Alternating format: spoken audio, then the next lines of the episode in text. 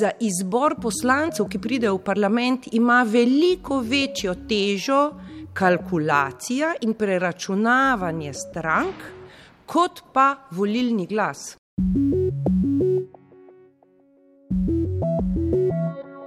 Ustavno sodišče je, ko je zahtevalo spremembo volilnih okrajev, dreznilo v osir, kajti poslanci ste se eh, instinktivno ne bodo spremenili volilnega sistema, po kateri so bili izvoljeni, ker je to tvegano.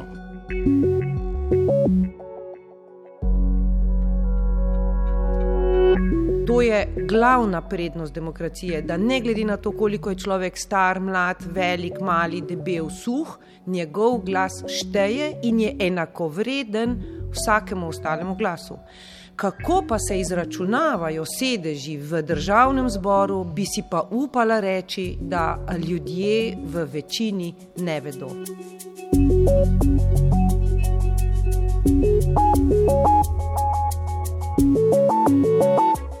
To je zdaj najpomembnejše ustavno-pravno vprašanje, s katerim se sooča slovenska politika. Predsednik Borut Pahor govori o tem, da je Ustavno sodišče 21. december 2020 postavilo kot rok za spremembe volilne zakonodaje, ki bi, recimo temu, vodile v pravičnejši sistem. Ampak pojasnimo najprej, čim bolj preprosto, v čem je pravzaprav težava. Slovenija je razdeljena na 8 volilnih enot, vsaki na volitvah dobimo 11 poslancev, kar torej skupaj znese 88, dva sta predstavnika narodnih skupnosti. Osredotočimo se zdaj na eno enoto, ki je razdeljena na več volilnih okrajev. Predstavljajmo si, da je danes volilna nedelja, ura je 19, volišča so se zaprla, začenja se štetje. Ja, najprej bodo sešteli vse glasove, ki jih je lista oziroma stranka dobila v posamezni enoti, torej skupno iz vseh okrajev. In glede na to število se bo v tej enoti razdelilo 8 poslanskih sedežev, zmagovalna stranka v enoti recimo dobi 3, drugo vrščena 2 in tako naprej. In tu pridemo do težave, na katero opozarja ustavno sodišče. Recimo, da je politična stranka v določeni volilni enoti dobila enega poslanca. Kdo bo ta poslanec? Prisluhnimo konkretnemu primeru zadnjih državno-zborskih volitev, pojasnjuje predsednik državne volilne komisije Dušan Vučko. Franz Kramer, ki je kandidiral na listi stranke Lenke Bratušek, uh, on je dobil manj glasov kot Alenka Bratušek. Vendar je bil njen delež manjši, zato je bil izvoljen uh, Franz Kramer, ker je ta lista v tej volilni do, enoti dobila samo en mandat. Če bi pa prijela eventualno dva mandata, ker se deli najprej na ravni volilne enote, bi pa potem tudi ona bila izvoljena. Najmanjši volilni okraj Hrastnik ima približno 8000 voljivcev, največji grosuplje 30 tisoč. A mandati strankam se, kot rečeno, po večini delijo na ravni enot, ne okrajev. Ti so pomembni le za delitev poslanskih stolčkov znotraj posamezne stranke. Ustavno sodišče je reklo, v redu, ne, se res ni pomemben volilni okraj, ampak takih razlik pa spet ne sme biti, ker to iznakaže cel volilni proces pravi Igor Kavčič, profesor ustavnega prava na pravni fakulteti v Ljubljani. Za spremembo, ki bi odpravila to anomalijo, je ustavno sodišče politiki leta 2018 dalo dve leti časa. Bi morebitna neustavnost, ki bi visela nad volitvami brez spremembe volilne zakonodaje, predstavljala tako uh, veliko politično uh, negotovost, da se preprosto niti pravno, niti politično ne smemo, ne moremo privoščiti. Kaj to pomeni? Da bo, če ne bo dogovora, ne mogoče izpeljati legalne volitve.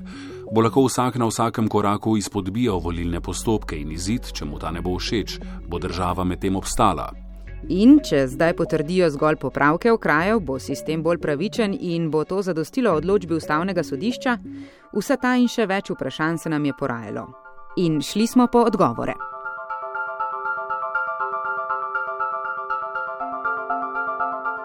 Poslušate Kroniko Plus, podcast informativnega programa Radia Slovenija.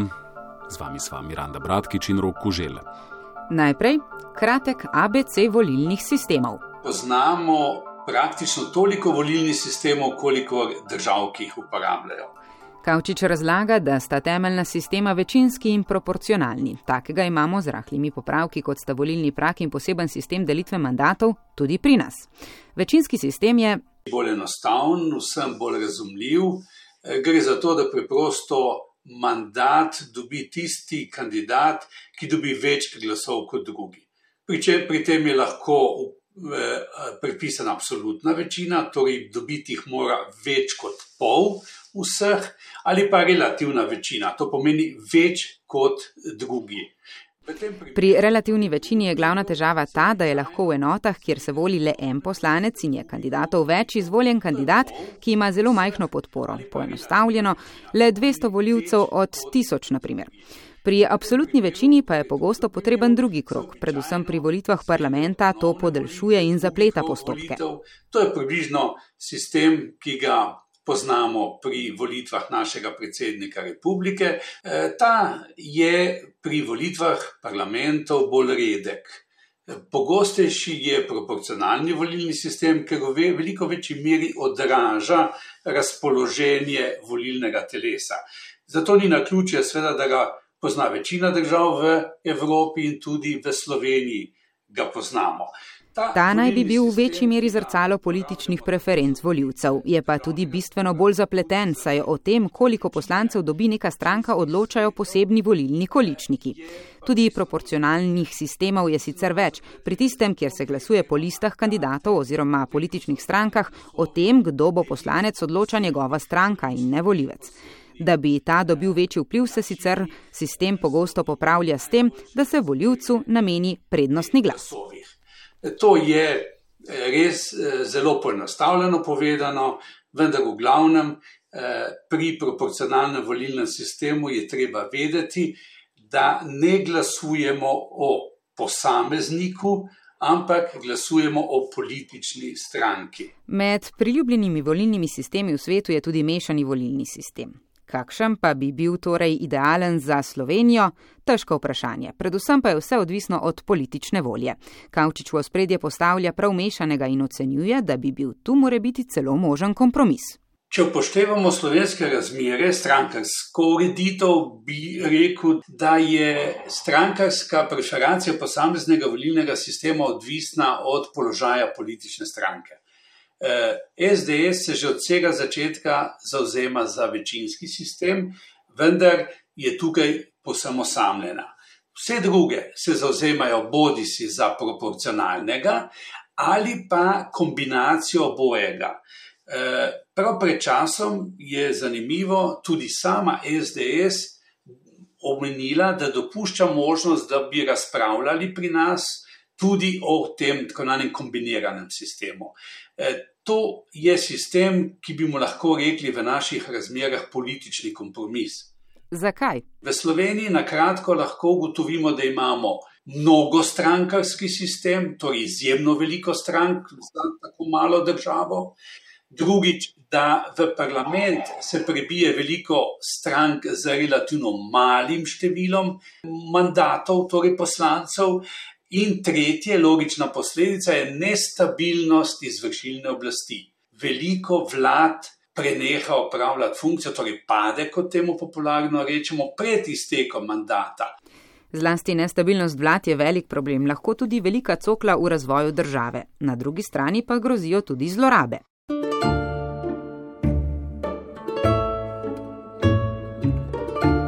Zanimiv primer je Italija. Od večinskega sistema, ki je prinesel stabilno 20-letno diktaturo, do nasprotnega, kjer vlade padajo kot zastavo. No, Luka Bregar se je o tem pogovarjal z našim rimskim dopisnikom Jankom Petrovcem. Janko, najprej lep pozdrav. Ja, lep dober dan. Če se ozreva v zgodovino, kar se tiče volilnega sistema oziroma volilnih sistemov v Italiji, tisto črno obdobje je prišlo s fašisti. Ne? Kako so si nekako zagotovili politično prevlado z nekim posebnim zakonom?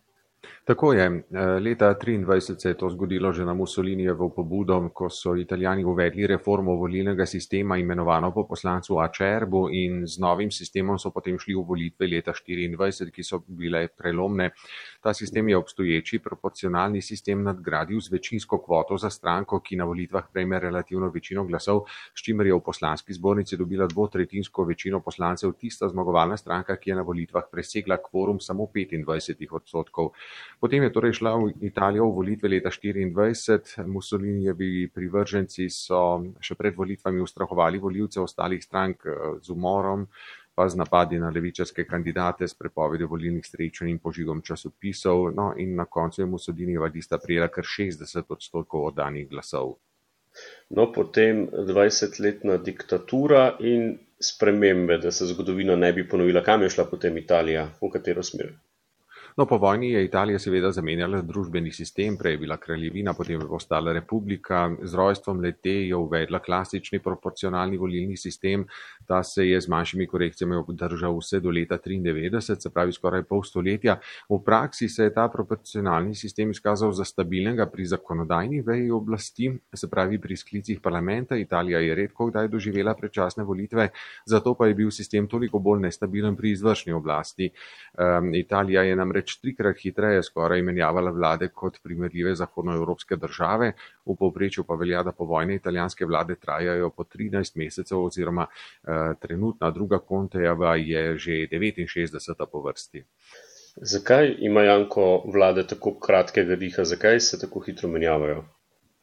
Ja, no, različni analitiki različno interpretirajo razloge za, za te kratke italijanske vlade. Nekateri menijo, da na oblast v Italiji do te mere vplivajo različne interesne skupine, da enkrat ena in drugič druga eh, od interesnih skupin izgubi potrpljenje, po domače rečeno, medtem ko čaka uh mhm. -huh. na vlado, ki bo zadostila njenim potrebam in tako pač prepriča del poslancev uh, katerekoli koalicije, da vlado zminirajo in da oblikujejo novo navezo. Eh, drug razlog je seveda živahno drobljenje strank, sklepanje novih zavezništev eh, med enimi in drugimi volitvami. To nenehno spreminja razmerja v parlamentu vsa ta povojna desetletja, pa tudi prej. So pa italijanske vlade pogosto padale tudi zato, ker so nespretno vezale sprejemanje določenih zakonov uh, na zaupnico vladi. Uh, italijanski parlament je namreč popolnoma dvodomen, kar pomeni, da, mora, da morate vsak zakon v enaki obliki sprejeti tako poslanska zbornica kot senat, se pravi na eni strani spodnji dom, na drugi strani zgornji dom parlamenta. Tak sistem je seveda zelo zamuden. Vlade vedno znova hočejo pospešiti postopke, to pa storijo tako, da vežejo na sprejemanje zakona zaupnico vladi, zato to je, to, to je torej zelo pomembno pogosto takšno ravnanje, no in tu se lahko hitro kaj zalomi.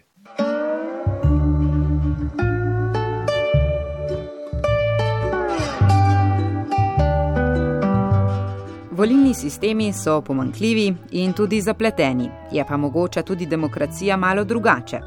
Breta Henninga smo poklicali, da bi stvari postavili na glavo. Kaj, če bi zdaj le voljivci raje kar sami odločali o vprašanjih, ki zadevajo skupnost, ne le izbirali svojih predstavnikov za to isto delo. Ideja. Uh, uh,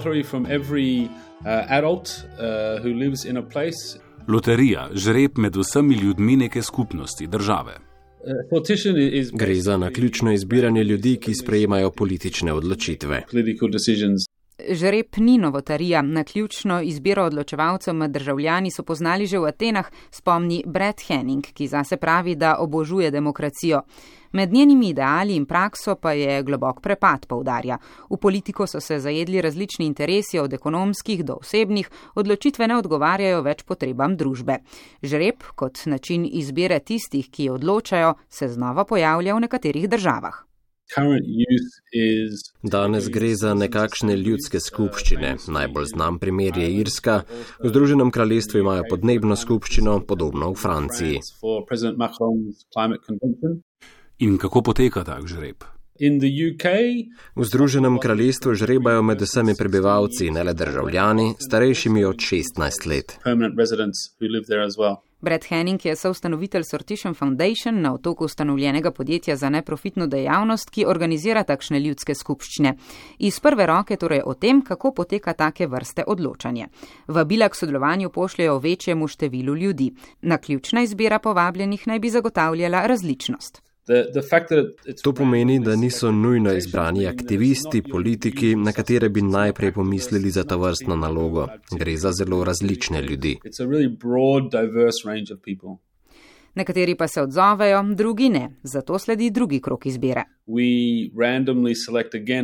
Sledi izbira, ki ustreza demografskim značilnostim skupnosti. Polovica moških, polovica žensk, veliko mladih, nekaj starejših.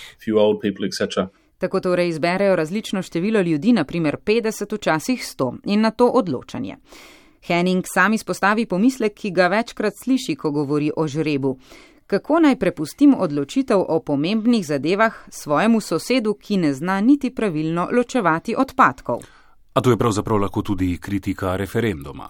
Ja, ampak pri ljudskih skupščinah imajo še pred odločanjem nekakšno izobraževanje, seznanjanje zadevo. Na to o tem razpravljajo in na koncu sprejmejo odločitev. Med najbolj znanimi primeri odločanja na ključno izbranih državljanov je predlog odprave prepovedi splava na Irskem. The, the Skupščina državljanov je o tem razpravljala več koncev tedna. Poslušali so več strokovnjakov in 70 odstotno večino predlagali odpravo prepovedi splava. Predlog je bil na to potrjen tudi na referendumu, podobno je bilo s porokami istospolnih parov.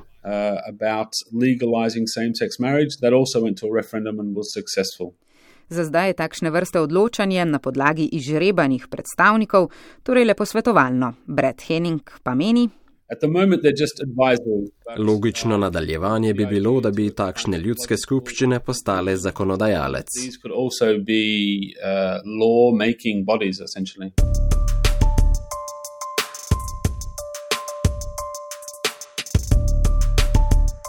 Pri nas zakonodajno telo, kot že rečeno, izbiramo po proporcionalnem sistemu, kar je z načelom sorazmernega predstavništva zapisano že v ustavi. Ne samo v zgodovini, ampak tudi danes imamo vrsto primerov, ko eh, tisti, ki načrtuje, torej tisti, ki sestavlja volilni sistem, to je običajno oblast, trenutna oblast, ne, ga želi prikrojiti svojim potrebam. Profesor Igor Kavčič z Ljubljanske pravne fakultete izpostavlja primer volilne geometrije oziroma gerrymandering v Združenih državah Amerike.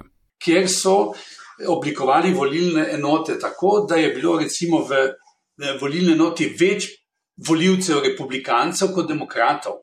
Torej, ta je eh, pri nas eh, prepovedan, kajti mi imamo načelo enake volilne pravice, kar pomeni, da mora biti volilna enota približno enako velika po številu voljivcev. Kaj pa je pri nas sporno? Stranke imajo izdelane, zlasti etablirane stranke, svoje zemljevide, iz katerih izhaja, v katerem volilnem kraju je stranka dobro usidrana. To so tako imenovani izvoljivi volilni okraji, in potem tja dajo kandidata, ki lahko prinese veliko število glasov. In stranka na ravni volilne enote iz tega naslova, seveda, dobi več mandatov. Eh, kar se mi zdi, da ni prav, in tudi v tem mnenju Inštituta za ustavno pravo menimo, da bi bilo potrebno uvesti domicilno načelo. To pomeni, da bi moral kandidat kandidirati v okolju, kjer živi. To prepreči te špekulacije, in mislim, da tudi zaradi enakomerne zastopanosti Slovenije te to načelo še kako koristi. Vendar s predlogom nismo bili uspešni.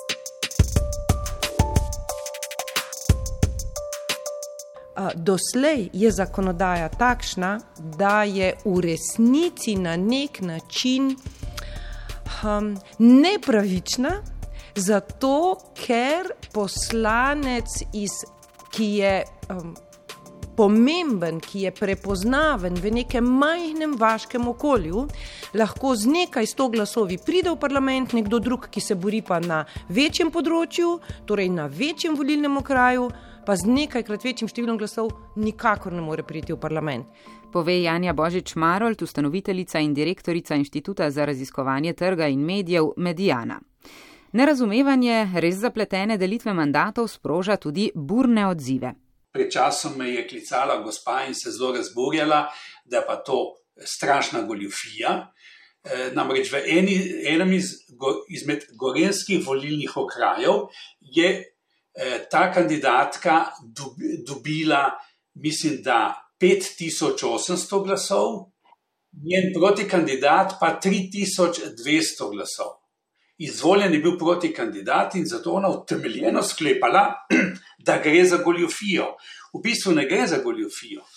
Gre za to, da ta glas, ki ga ona dobi v volilnem okraju, gre stranki v volilni enoti. In v volilni enoti je pa stranka, iz katerih je bil proti kandidat, dobila več glasov in zato je šel mandat njemu, ne pa njej.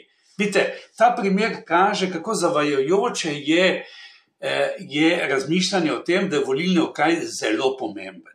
To težavo dobro pozna tudi eden od avtorjev zdajšnjega volilnega sistema, Franz Grad, nekdani ustavni sodnik in profesor. Težava tega volilnega sistema je v tem, da so volitve z vidika voljivca zelo enostavne, z vidika voljivca. Kaj ti voljivci glasujejo o posameznikih, ni mu treba neprednostno glasovati, ni mu treba izbirati, on glasuje o posameznikih točno tako, kot recimo v Angliji pri večinskem volilnem sistemu, vse je zelo enostavno in enako.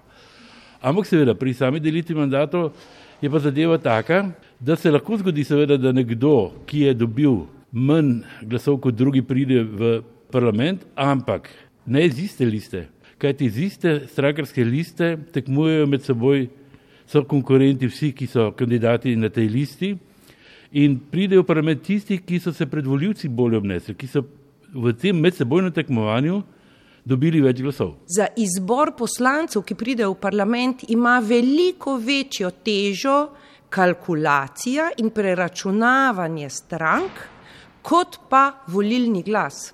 Kaj ti stranka je tista, ki preračuna, katerega svojega uh, kandidata bo umestila na katero od 88 mest v 11 volilnih okrajih in s tem omogoči svoje kandidate, tiste, ki jih na vsak način želi v parlamentu, hkrati pa onemogoči tiste, ki bi se jih eventualno želela znebiti.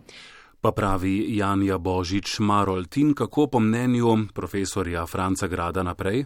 Pri tem vprašanju, ko govorimo o volilnem sistemu in govorimo o odločbi ustavnega sodišča, ki se mora uresničiti, je treba vedeti, da je teklo v zadnjih letih prizadevanje za spremembo volilnega sistema v dveh smerih. Ena je bila ta, ki jo ustavno sodišče zahteva, to je sprememba volilnih okrajev, druga pa je bila ta, da bi se spremenil sistem delitve mandatov, ki bi ukinil volilne okraje.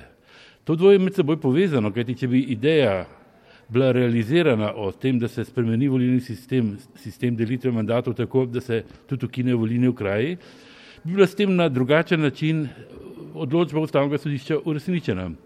Ustavno sodišče se ni izreklo o tem, da je, ali je fajn, da so, je prav, da so volilni okraji ali da niso, ampak samo o tem, da se dani volilni okraji ne ustrezajo več glede na vse demografske, eh, teritorijalno upravne spremembe in tako naprej.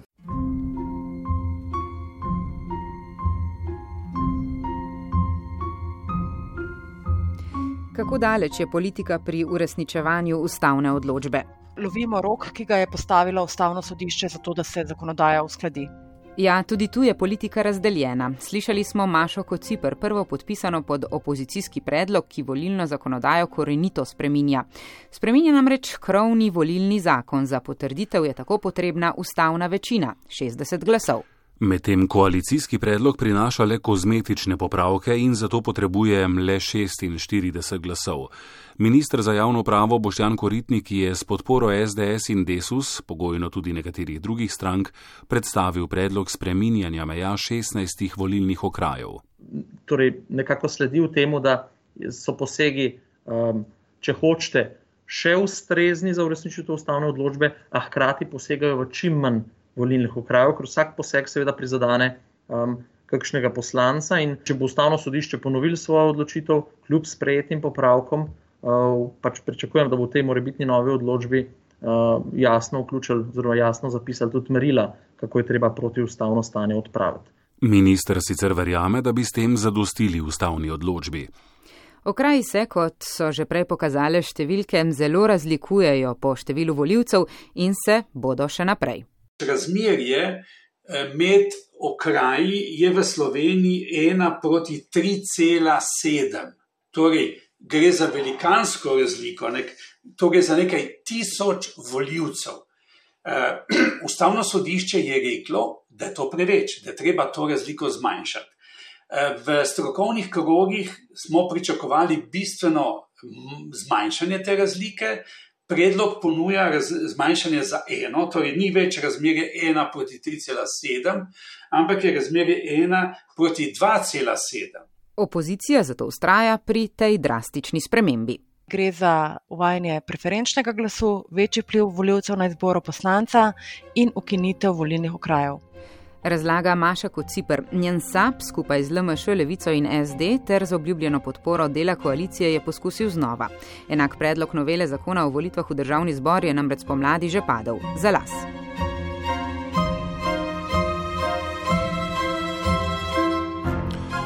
Pa poglejmo podrobneje, zakaj in kako bi spremenili sistem volitev, zakaj ukinitev volilnih okrajev. Naš predlog to uh, neusklajeno stanje, ko imajo nekateri voljivci večjo pravice, zato ker uh, je število in velikost okrajev tako različna, naš predlog to neustavnost pač uh, ukinja.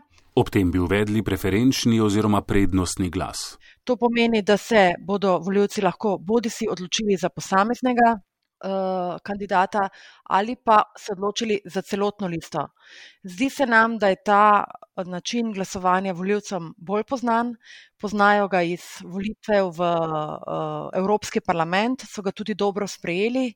Hkrati pa tak način glasovanja preprečuje to, da bi šlo veliko glasov v nič in v prazno. Gre za neobvezni relativni prednostni glas, ki pa mu večina stroke ni naklonjena. Jaz sem v članjene skupine, ki smo imenu Inštituta za ustavno pravo za predsednika republike napisali eno ekspertno mnenje o celi zadevi in mi smo rekli takole.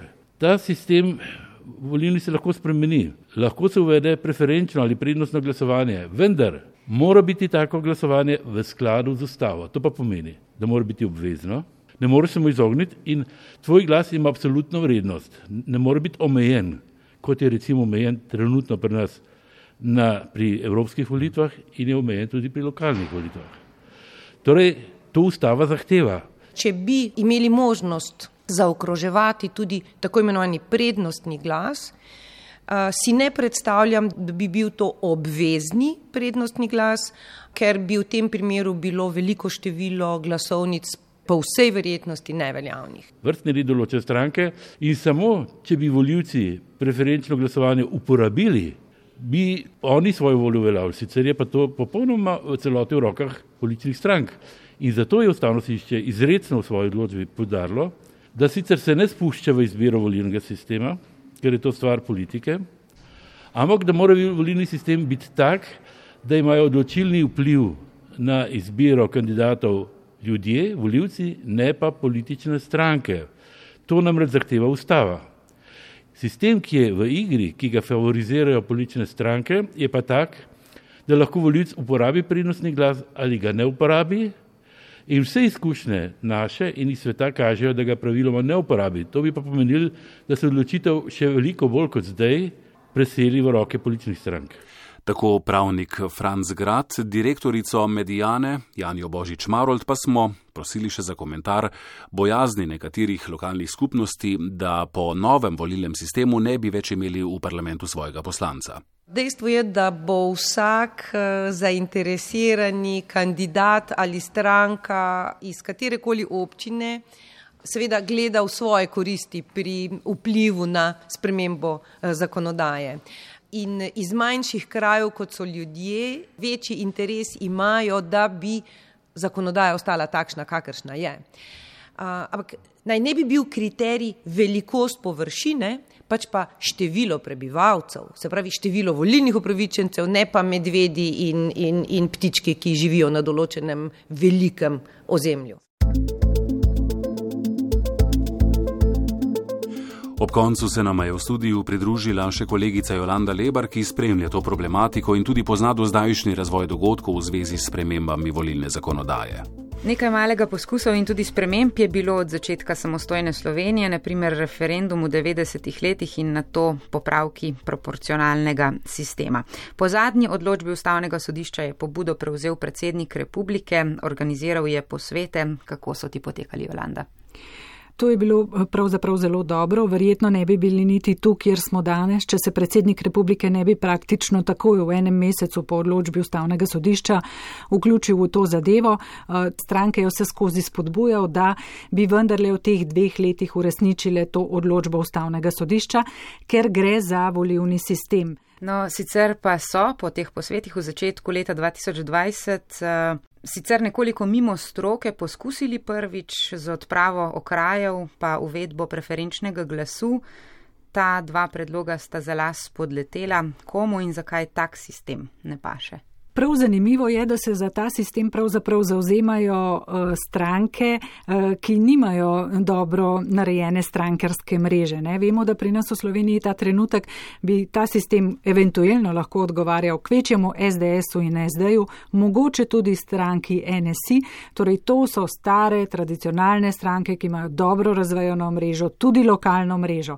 Ampak zanimivo, v SDS-u sploh ne, v SD-ju pogojno, torej so se tudi zdaj podpisali po, pod predlog za ukinitev okrajev, v NSI-ju pa so za ukinitev okrajev e, in celo za absolutni prednostni glas, torej pomeni obvezni, ne tako kot je zdaj v igri in kot je bilo prvič, neobvezni prednostni glas, torej prav takšen kot je na evropskih volitvah, ko gre glas prvenstveno listi, šele kasneje pa določenemu kandidatu. In tudi, če ga daš, če prednostnega glasu ne daš, si glasoval za listo, ne pa nisi pa dal prednosti nobenemu. Torej, to bi v načelu bolj pasalo dobro organiziranim strankam z dobro lokalno mrežo, ki bi lahko tudi dobro spromovirale svoje kandidate, tudi tiste, ki niso zgolj iz nekih urbanih središč. Uh, no, Jelanda, enak predlog je v parlamentu zdaj, ampak nobeden od predlogov se zdi, da nima prav posebne podpore. Na eni strani torej tak, za katerega je potrebnih 60 glasov, um, za spremembo okrajev nekaj manj, kateri bo na koncu tisti, ki bo prevladal, zmagal. Ja, jaz bi rekla, da je ta, ki potrebuje manj 47 glasov. Dejstvo je, da se je politika zanimila, da nekaj bo naredila. Rok 21. bo zamujen, razen v primeru, da gre skozi ta uh, predlog z ukinitvijo okraju in vedbo neobveznega prednostnega glasu. Zdaj, po uh, besedah predlagateljev jim manjka en glas, kar je lahko res, ne? ker takrat v prvem glasovanju so manjkali trije glasovi, dva sta um, umanjkala zato, ker poslancev ni bilo v državnem zboru. Zdaj imajo zagotovilo, da bosta ta dva poslanca prišla. Torej, če jim uspe prepričati še enega poslanca iz Desusa, recimo, ali pa celo iz SDS-a, ne vem, potem bi to lahko šlo skozi. Torej, manjka jim en glas. V nasprotnem primeru, če to ne bo šlo skozi, če bo padlo, bo takoj v naslednjem trenutku uložen predlog za popravke volivnih okrajev, torej te minimalne 16 okrajev se um, popravlja in je nekakšno neformalno zagotovilo, da bo šlo to skozi. Takšno zagotovilo ima tudi predsednik republike. To bodo minimalne spremembe, vprašanje, če bodo zadostile odločbi ustavnega sodišča, ampak opravljene bodo, nekaj se bo zgodilo. No, če recimo ustavno sodišče ne bi bilo zadovoljno s to rešitvijo, kaj bi to pomenilo za naslednje volitve? Predsednik je govoril o um, nelegitimnosti teh volitev, nekateri naši sogovorniki um, o tem, da se pravzaprav ne bo zgodilo nič. Ja, in tudi čisto možno je, ker ustavno sodišče samo od sebe teh novih okrajev ne bo vzelo roke. Najti se bo moral nekdo, ki bo ta zakon poslal na ustavno sodišče. Najprej dokazati pravni interes in potem bo ustavno sodišče recimo reklo, ali so ti okraji popravljeni tako, kot veli prva odločba ali ne. Skratka, odvisno, kako bo postavljeno vprašanje. Ved, vedeti moramo, da imamo zdaj te okraje takšne, kot so praktično skoraj 30 let. In zdaj so bili prvič taki, kot so na ustavnem sodišču. Na ustavno sodišče sodišče ugotovilo, da so recimo v neskladju z ustavo. Če karikiram, če tega nihče 30 let ne bo poslal na ustavno sodišče, se tudi 30 let ne bo nič zgodilo. In tudi, če ta odločba ta trenutek ne bi bila uresničena, volitve bodo, bodo razpisane in tako naprej.